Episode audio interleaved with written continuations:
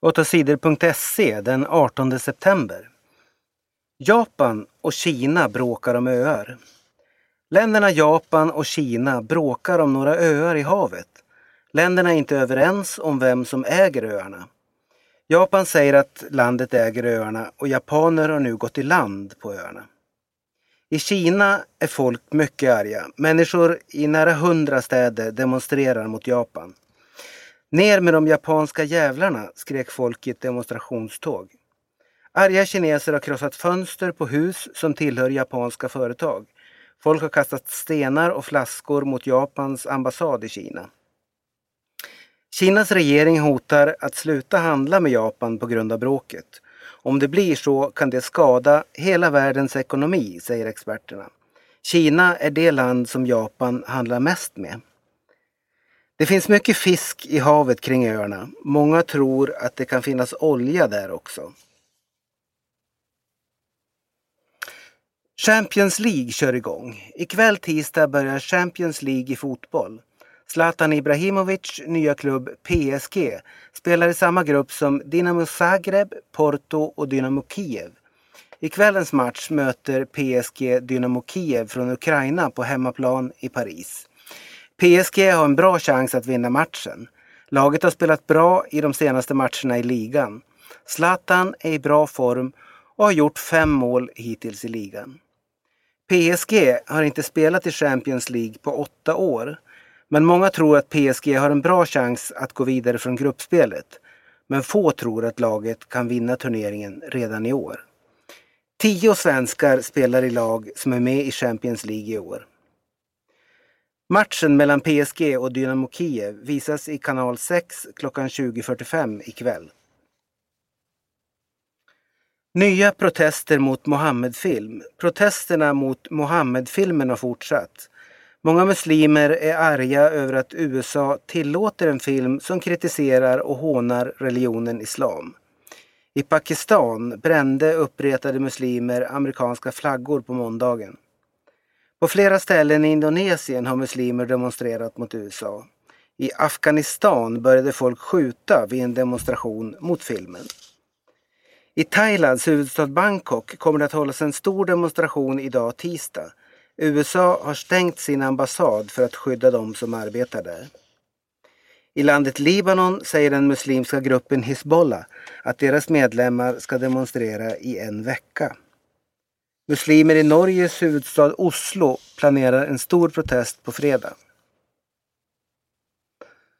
Burma släpper politiska fångar. Burmas ledare har bestämt att fler än 400 politiska fångar ska släppas ur fängelse. Det kan betyda att Burma nu har släppt alla som suttit i fängelse för sina åsikters skull. Vi tror och hoppas att det är så, säger Naing Naing i partiet NLD. Ledarna i Burma har redan tidigare släppt 700 politiska fångar.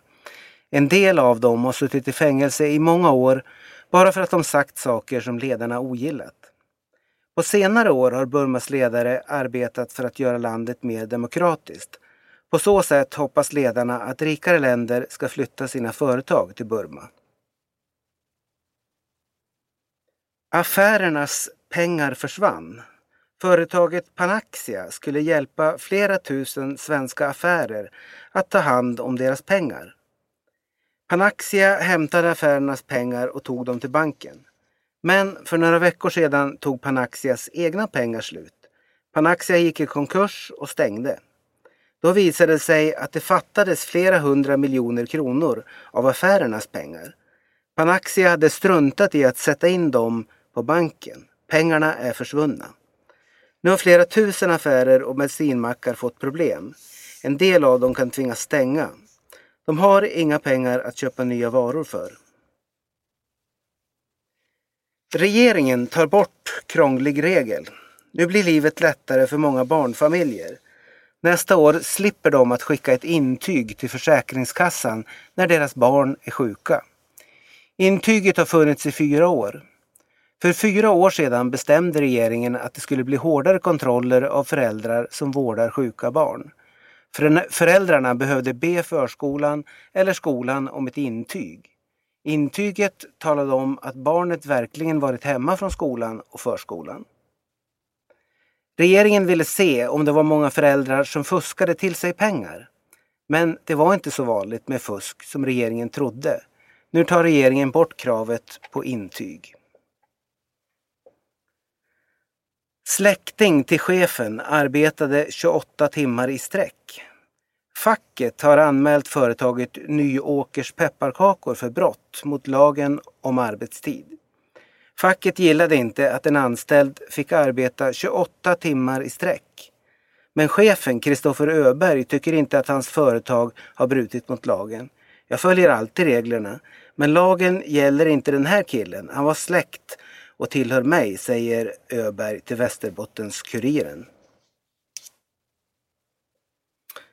HD ska avgöra om det ska brytas kalk på Gotland. Företaget Nordkalk vill bryta kalk i ett område på norra Gotland.